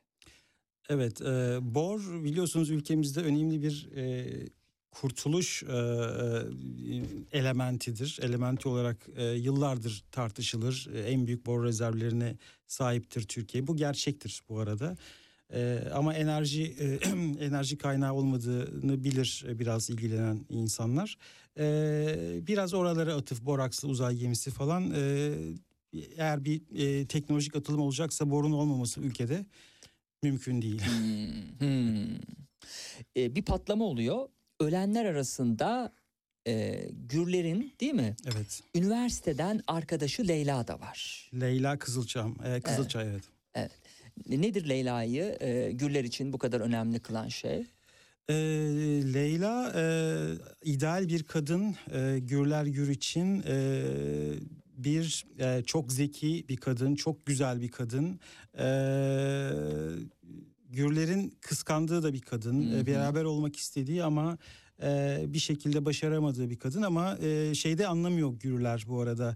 Leyla gibi e, dünyanın çeşitli önemli bilim kurumlarında çalışmış, CERN'de falan çalışmış birinin e, Berhava'da ne işi olduğunu da anlamıyor. Zaten aslında görevi kabul etmesinin nedenlerinden bir tanesi de e, Leyla'nın orada ne işi olduğunu Hmm, e, çözmeye öğrenmek. çalışmak. Roman boyunca da buna uğraşıyor aslında. Farklı hayatlara savruldular. Gürler üzerinde Leyla'nın etkisi kalmasa da onu merak etmekten hiç vazgeçmedi. CERN ekibine katıldığını duyduğunda hem mesleki hem cinsel bir kıskançlık duydu. CERN'de parçacık çarpıştıran megavolt elektronlara hükmeden bir kadın mı daha seksiydi yoksa fonksiyonel sanat üreten mi? Sizce? İkisi birden olsa diyeceğim. Bir, e, bir ara Leyla'nın Türkiye'ye döndüğünü duydu. Son dönemlerde devlet yurt dışındaki değerleri ülkeye getirmek konusunda çaba gösteriyordu. Artık uyuyan dev uyanmış çocuklarını dünyanın dört bir köşesinden topluyordu. Orada burada atılımlar başlamıştı. Yozgat'ta Silikon Vadisi benzeri bir vadi kuruldu. Bakın bö- bölgelerin bir anlamı yok diyorsunuz ama bölgeler de özellikle seçilmiş. Yani hani e, Yozgat'ı da Konya'yı da ülkemizin bir parçasıdır severiz ama e, yani hani tarımla filan daha çok ilgilidir. Hani bilimle çok ilgili değillerdir. Yazar da özellikle seçmiş ama tabii yazarı da çok sıkıştırmayalım sevgili. Kontrast, Sonra kontrastlar önemlidir. Peki. Ee, iktidar kelebekler, Ihlara ve Munzur vadilerini öne çıkarmış. Neyse ki sonra coğrafyanın gerçekten vadi olması gerekmediğine ikna olmuşlardı diye e, sürüyor. Kitap da zaten romanda e, baştan sona böyle ufak dokundurmalar, e, güldürmeler yer yer, e, yermeler ve e, ufak alaylarla sürüyor. Ama bu da e, okuyucuyu e, her iki şeyi de destekleyen yani hani mevcut siyasal ko- konjonktürde insanları da rahatsız etmiyor bence. Bir bir gülümseme yüzünde e, oluşmasına neden oluyor. En azından benim için böyle oldu. Leyla gibi birisinin Berhava'da ne işi vardı? Ölümü ısırmıştı ama senden sonra kariyerine devam ettiği yer çarpmıştı. Leyla'nın bir bildiği olmasa oraya gider miydi? Belki de sandığı gibi bir yer değildi. Patlamalar, ıslıklar, yangınlar nelerle uğraşıyorlardı orada. Bir hadron çarpıştırıcısı kurmuş olabilirler miydi? Leyla projenin başında bile olabilirdi. Ne müthiş bir kadındı diye sürdürecektir ee, Gürler Leyla'ya olan hayranlığını. Evet. Onu izliyor sürekli. Yani e, üniversite bittikten sonra da aslında e, küçümsediği e, biriyle evlendiğini biliyor. E, izlemeye devam ediyor. Çünkü ünlü bir kadın. E, haberleri takip ediyor onunla ilgili. Hatta bir dosya yapıyor. E, aslında karısını da seviyor ama bir yandan da e, o geçmişte yaşadığı bu kalp kırıklığını unutmuş değil. En azından başarısız olmasını istiyor. E, belki böyle kendini daha iyi e, hissedecek. Hı hı. Aslında baktığımız zaman e, aklı temsil eden tek kişi gürler. Ama aşk da söz konusu olduğu zaman demek ki e, gürler bile bu tarz egolara kapılabiliyor. Ya da insanlar bu tarz egolara kapılabiliyor. Yani çok aklı başında olan insanlar bile kapılabiliyor mu demeliyiz değil mi? Çünkü aslında Gürler'in romandaki bütün e, ağırlığı bütün o tuhaflıklara, bütün o e, diyaloglardaki acayipliklere şaşıran e, e, okuyucuyu ama aklı selim okuyucuyu temsil ediyor. Ama bir taraftan da e, o aşk söz konusu olunca orada da bir e, e, bir e, şaşırmışlık hali var. Zayıf- Zayıflığı var çünkü sonuçta bir insan, İnsan. E, sağduyu ve dediğiniz gibi aklı temsil ediyor. Zaten e, mizah unsuru da e, akılla e, ve sağduyuyla e, içinde kitabın içinde e, yaşattığı okuru ve belki bugün içinde yaşadığımız akıl dışılıkların kontrastından Hı. kaynaklanıyor. Hmm. Meclisten bir yazı gelecektir Gürler'e. Bu arada Gürler'in e, hayatını şöyle bir özetleyelim. E, nerede yaşıyor?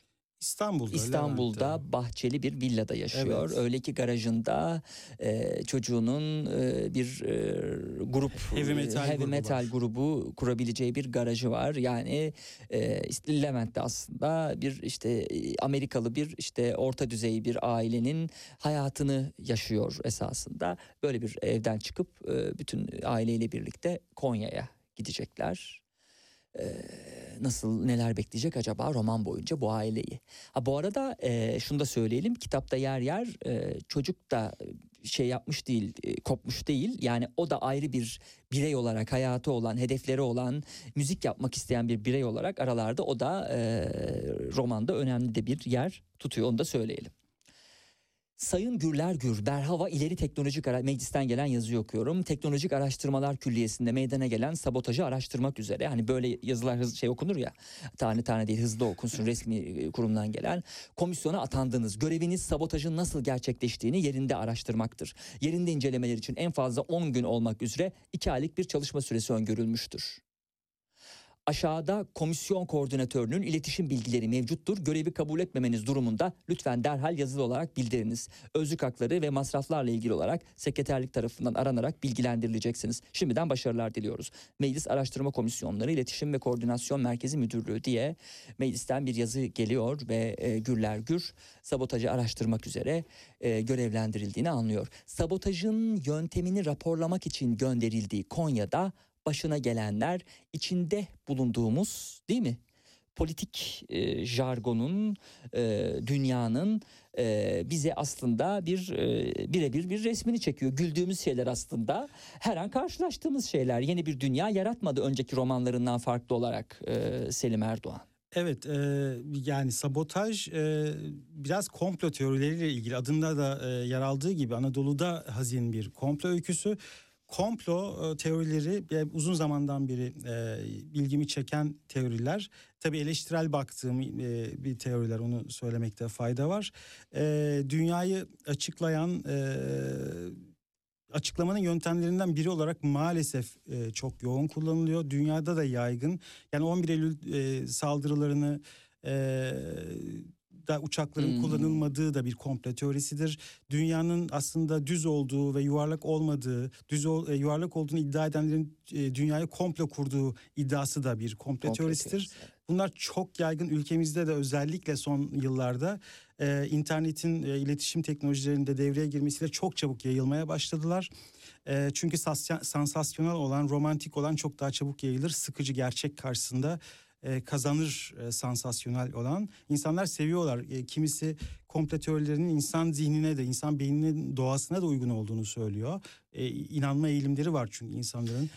Türkiye'deki komplo teorileriyle e, dış dünyada batıdaki komplo teorilerini ve inanmayı karşılaştırdığımız zaman bir farklılık görüyor musunuz? Bunu şunun için sordum. Düz Dünya Derneği Başkanı gelmişti. Onu stüdyoda konuk etmiştik. O katıldıktan sonra YouTube yayınına e, yorumlar yazanlar, Twitter'a yorumlar yazanlar baktığım zaman aslında çoğunlukla hani yorum yapanlar ve komplo teorilerine inananlar eğlenmek için kendilerini bunun bir parçası olarak görüyorlardı. Yani farklı bir şey söylemek için bunun bir parçası olduklarını bence söylüyorlardı. Yani araştırarak bu böyle olması lazım çünkü şöyle diye bir makul bir açıklama getirmektense tamamen eee, eğlence olsun diye sanki bunun bir parçası olmuşlar izlenimine kapılmıştım. Ne diyorsunuz bu komple teorilerine inanma bağlamında Türkiye'nin bulunduğu yer nasıldır? Ee, ben yoğun olduğunu görüyorum. Şimdi düz dünya çok çok aşırı bir örnek. Hatta benim e, şahit olduğum en aşırı örnektir e, Hmm. kompletör, e, kompletörler içerisinde düz dünya. Çünkü hani yanlışlaması falan en basit olan e, şey e, iddia. E, ve fakat mesela Amerika'da Flat Earth Society diye e, örgütlenmiş bir Hmm. şey, e, bir site. Burada e, bu insanların yazışmalarına falan baktığımda daha ciddiymiş gibi e, gördüm. Ee, ama komplo teorisi tabii düz dünyadan ibaret değil. Yani e, dünyadaki bütün kötülüklerin işte e, bir, e, milliyetçi muhafazakar açısından bakın. E, işte hakla batılın ça- çatışması olarak görür ve başımıza gelen bütün kötülükleri e, batılın uygu, e, hakkı yok etmek için e, dizayn ettiği çok yaygındır. Kimisi bütün her şeyi emperyalist güçlere daha soldan bakarsak her şeyi emperyalist güçlerin oyunu olarak görenler de aslında bir tür bence komple teorisi e, kurbanı olarak adlandırılabilir.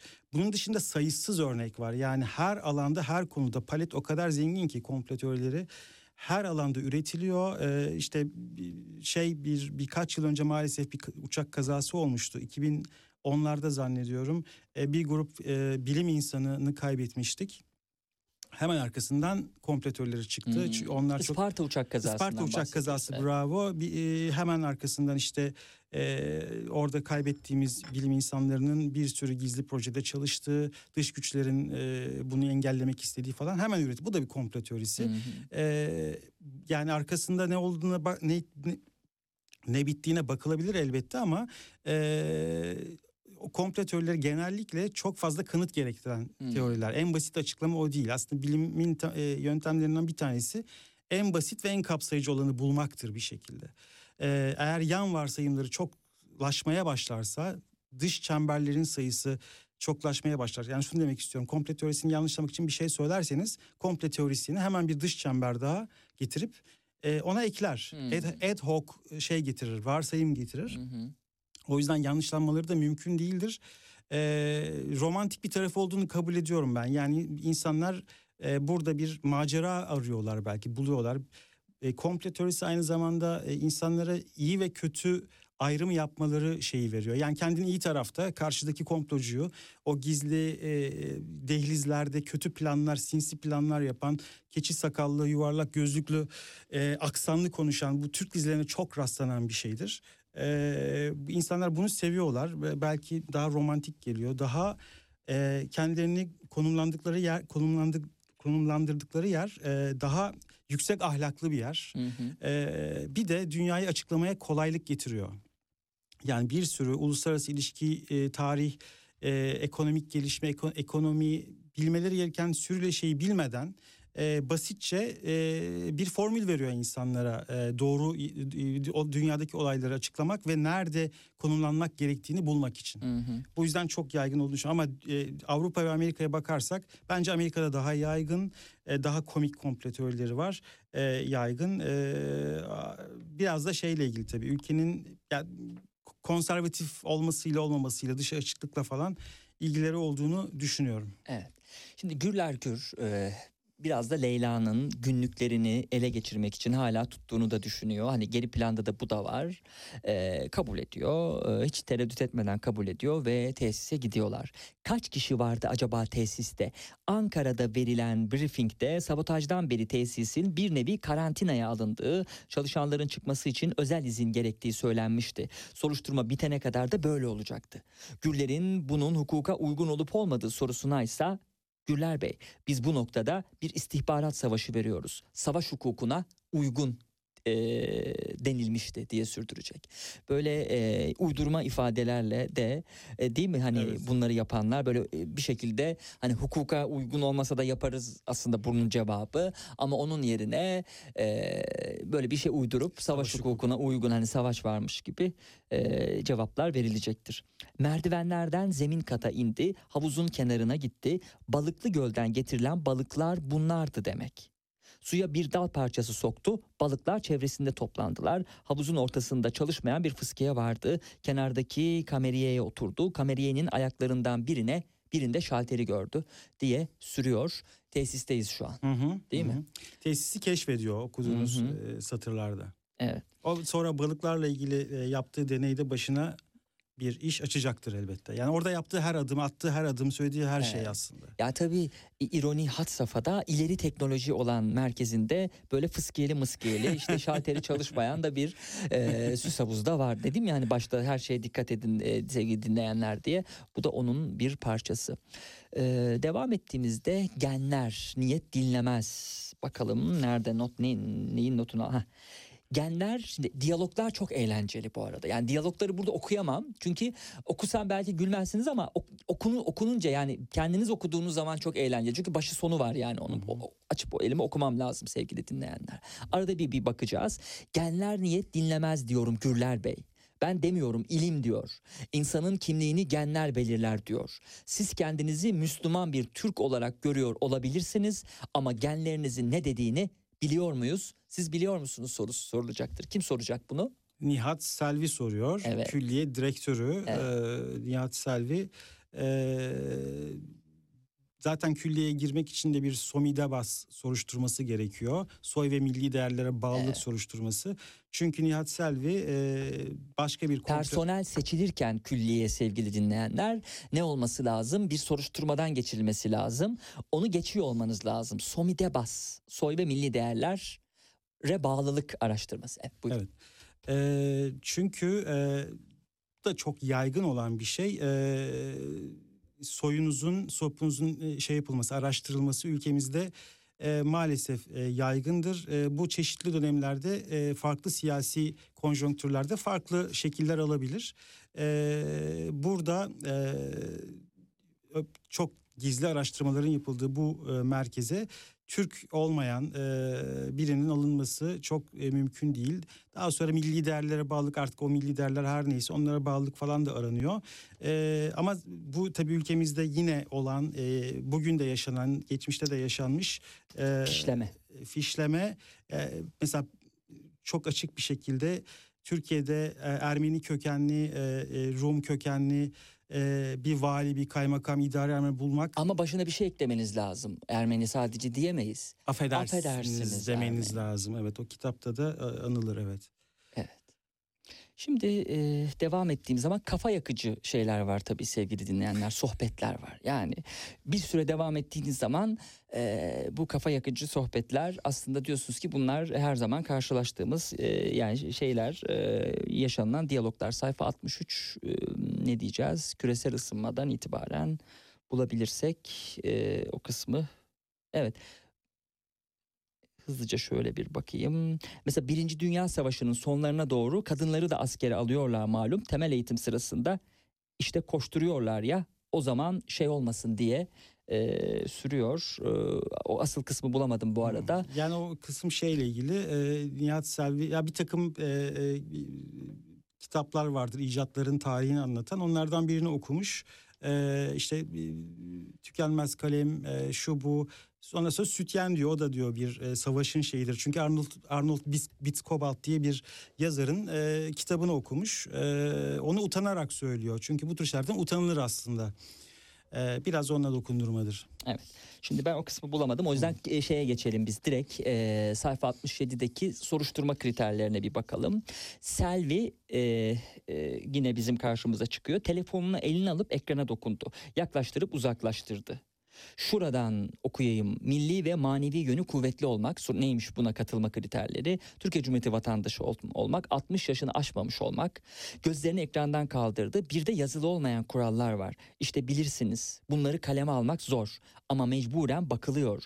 Ailesinde komünist, dönme, gayrimüslim olmamak, sebateist vesaire olmayacak. Milli manevi değerlere bağlılık olacak diye de sürdürüyor. Artık bu milli manevi değerlerden yani hepimiz bağlıyız ama bunun bu kadar zikredilmesinden de gına geldi. Yani artık imdat diye bağıracak noktaya getirdi.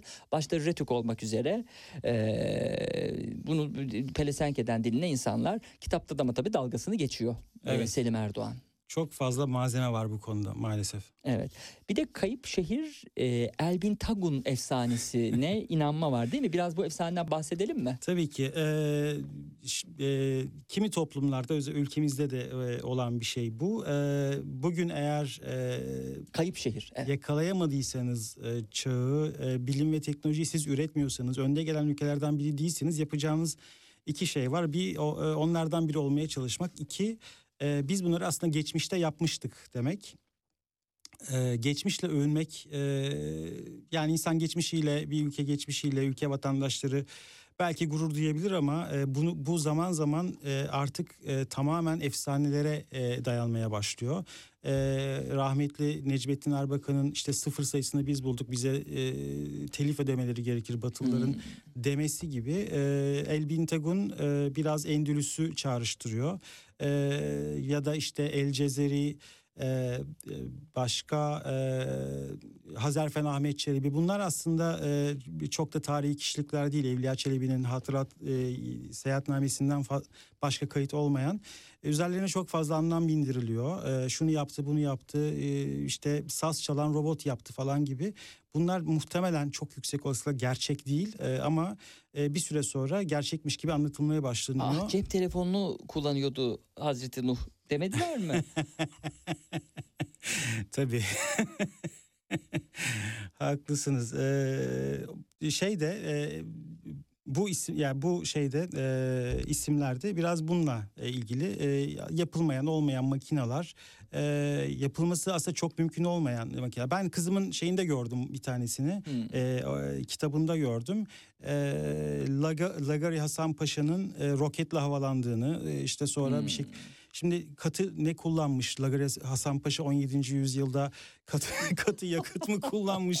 sıvı yakıt mı kullanmış? Nasıl inmiş paraşüt? Yani bu akıl almayacak bir şey. Ee, ama ders kitaplarına girmiş vaziyette. Eğer bir yalanı çok fazla söylerseniz bir süre sonra herkes buna inanmaya Evet. başlıyor ve fantastik bir tarih içerisinde yaşamaya başlıyorsunuz. Evet. Kitabın e, ana kötüsü yani kötü derken kötü bir karakter direktörü e, Nihat Selvi de e, bizi güldüren Nihat Selvi de sevgili dinleyenler muhafazakar bir milliyetçi geçmişten gelen e, bir insan. Oraya oturtmuşlar onu da. E, birçok e, makama oturtulan kişiler gibi. O da onlardan biri yani sonuç olarak. Ve e, hep argümanlarında e, şey var e, doğuya dönüklük var. Yani bir e, bir şey mesela bir matematikle ilgili bir şey oluyor. Doğudan geldiğini zannediyor her türlü şeyin değil mi? İntegral gibi hesaplamaların bile e, İntegrale şey geliştiriyorlar. Ee, bir doğudan bir alternatif külli hesap adı verilen e, e, bir alternatif üretildiğini söylüyor. evet. Ee, ya da işte- geometrisi. Endülüs geometrisi de işte bildiğimiz geometri alternatif. Üçlü beşgen, beşli üçgen gibi e, değişik özellikleri olan. E, bunları aslında biz keşfetmiştik demek istiyor aslında. Biz biz onlardan geri değiliz. Hmm. Bu çok e, ciddi bir problem bence. yani. Evet bu bir aslında aşağılık kompleksinin Evet. bir yansıması maalesef. Ee, hani kompleks olmayan insanlar hiç bunları dert etmezler. İlimler edense de gidip al, alın yani hani de- denmiş sonuç olarak. Geometrinin e, vatanı bir şey, matematiğin, e, fiziğin, bilimin olamaz. Evet. Müziğin de olamaz bence aslında. Kitapta şu da çok enteresan. Yani dediğim gibi her yerleştirilen kişiyi sorgulamak lazım. O e, önemli kişilerden biri de orgeneraldi. Evet. Onu da sorgulamak lazım. O da tesiste güvenlik uzmanı. Evet. Aslında e, misyonları hayatta durdukları yerler farklı. E, yani Selvi ile e, komutan e, Haluk Gökdağ e, çok farklılar ama inandıkları komplo teorileri e, değil mi? Aynı biri ulusalcı gibi hani değerlendirmek Çok doğru, lazım. çok Birini doğru. de şey olarak değerlendir yani ne olarak değerlendirdiğimizi dinleyiciler anladılar zaten. E, ama sonuç olarak aynı şeyi söylüyor birbirinden bu kadar farklı kişi. Şu anki konjonktüre de çok uygun bir yapılanma. Yani aslına bakarsanız o Yüksek Teknoloji Enstitüsü romanı bitirdiğiniz zaman diyorsunuz ki aa burası teknoloji enstitüsü falan değil burası Türkiye. Makul olana aynı uzaklıktalar, simetrideler hakikaten de öyledir yani. Aha, evet. Şimdi e, bir son birkaç dakika içerisinde şöyle bir bakalım. Bu arada Sabotaj romanı Selim Erdoğan'ın e, son derece enteresan romanı. ikinci bölümünde do- dolaşıyoruz sevgili dinleyenler. Sayfa yüzüne baktığımda internetten baktım ben de biraz. Bütün gizli servisler olabilir. Dünyanın gözü ülkemizde malum. Ama o giyim, hareketler bana ninjaları çağrıştırdı. Çin'in kıskandığını biliyoruz. O kadar gezdiriyoruz. Ne bir takdir ne bir teşekkür. Girdiği suratla çıkıyor. Canı sıkılıyor, belli etmiyor. Çinli duygusunu suçu Çin'e atmak isteyen ninja görünümlü matruşiler olabilir. Ha bir de tarikat matruşiler var. Evet onun, Romanda onun ne olduğunu aslında isterseniz çok şey yapmayalım. Okuyacak Girmeyelim. olanlar Tabii. e, Tamam. için spoiler olmasın. e, Olur tabii istiyorum. ki. Tabii ki haklısınız. Zaten yazarın izin verdiği kadar tabii gideceğiz sevgili dinleyenler. Haluk Gökdağ mü- mülakatı mesela benim için enteresan bir mülakattı. Ee, Gürle, Gü- e, şeyin e, Gürler Gürle. Gürler'in e, Haluk Gökdağ'la yaptığı konuşmalarda en az Selvi ile direktörle yaptığı konuşmalar kadar enteresan. Bir de telekinezis konuşması var ki e, geniş ufuklu ol diye bir de telkinde bulunacaklardır bizim fizikçi mühendisimize. Onunla bitirelim isterseniz olur mu? Olur. Hemen bakalım. Geniş ufuklu ol. Bu adamı hükümet İspanya'dan getirtti. Dahileri geri kazanın programı çerçevesinde. Adam dahi diyecek bir şey yok. Çok ilginç buluşları var. Bazen sohbet ederdik. Her dahi gibi biraz egzantrik, biraz anlarsınız. Tam çözemedim. Bir şeyler gizliyor bence ama dahi. Kanatsız, pervanesiz uçak yapmış. Enteresan bir adam diye. içi boş sohbetler aslına bakarsanız. Yani iki lafı bir araya getiremeyen insanların e, liyakatsiz insanların yerleştiği şeyde yani bu kadar önemli bir konuyu bile mesela telekinezizi bile konuşmanın bir adabı olur bir ağırlığı olur bir edebi olur yani bunu konuşmanın bile böyle nasıl diyeceğimi anlayamadım egzantrik diyerek dönen sohbetler. Çünkü şey- Zorlandınız mı bu sohbetleri üretirken? Yo çok eğlendim.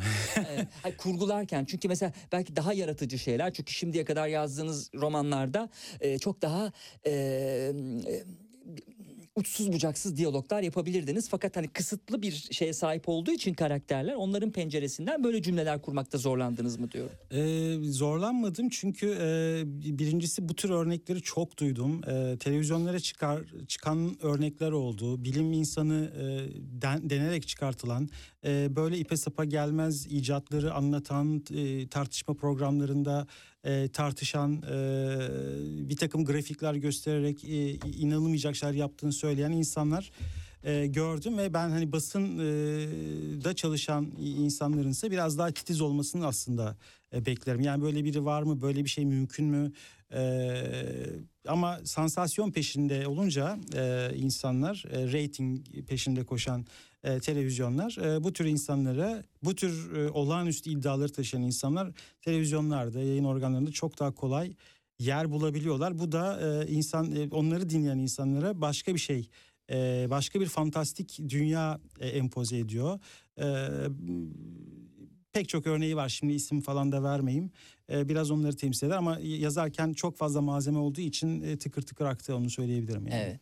E, Bir siyasi e, komplo romanı, bir siyasi güldürü romanı nasıl nasıl tanımlamak lazım? Tanımlardan kaçınıyorum satır ama.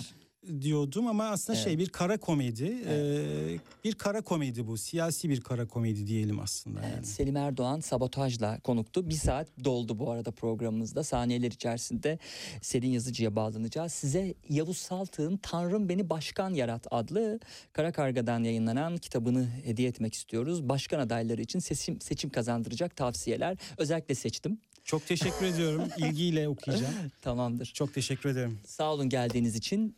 E, sevgili dinleyenler Selim Erdoğan'la sohbetimizi bitirdik. Önümüzdeki hafta e, tekrar görüşmek üzere. Önümüzdeki hafta ne yapacağımızı şöyle bir bakalım.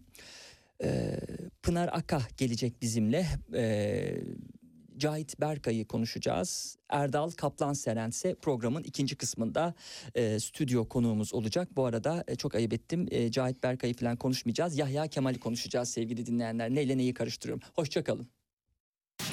Gündem dışı. mutluluk danışmanısınız bir de aynı zamanda. Çok güzel işler yapıyorsunuz Türkiye'de. Ne kadar güzel mutluluk danışmanlığı için size geliniyor. Mesela kimler geliyor daha ziyade size? Mutsuz çiftler mi geliyor yoksa e, yalnız kişiler mi geliyor? Belki 14 Şubat'a doğru. E, ne olacak benim bu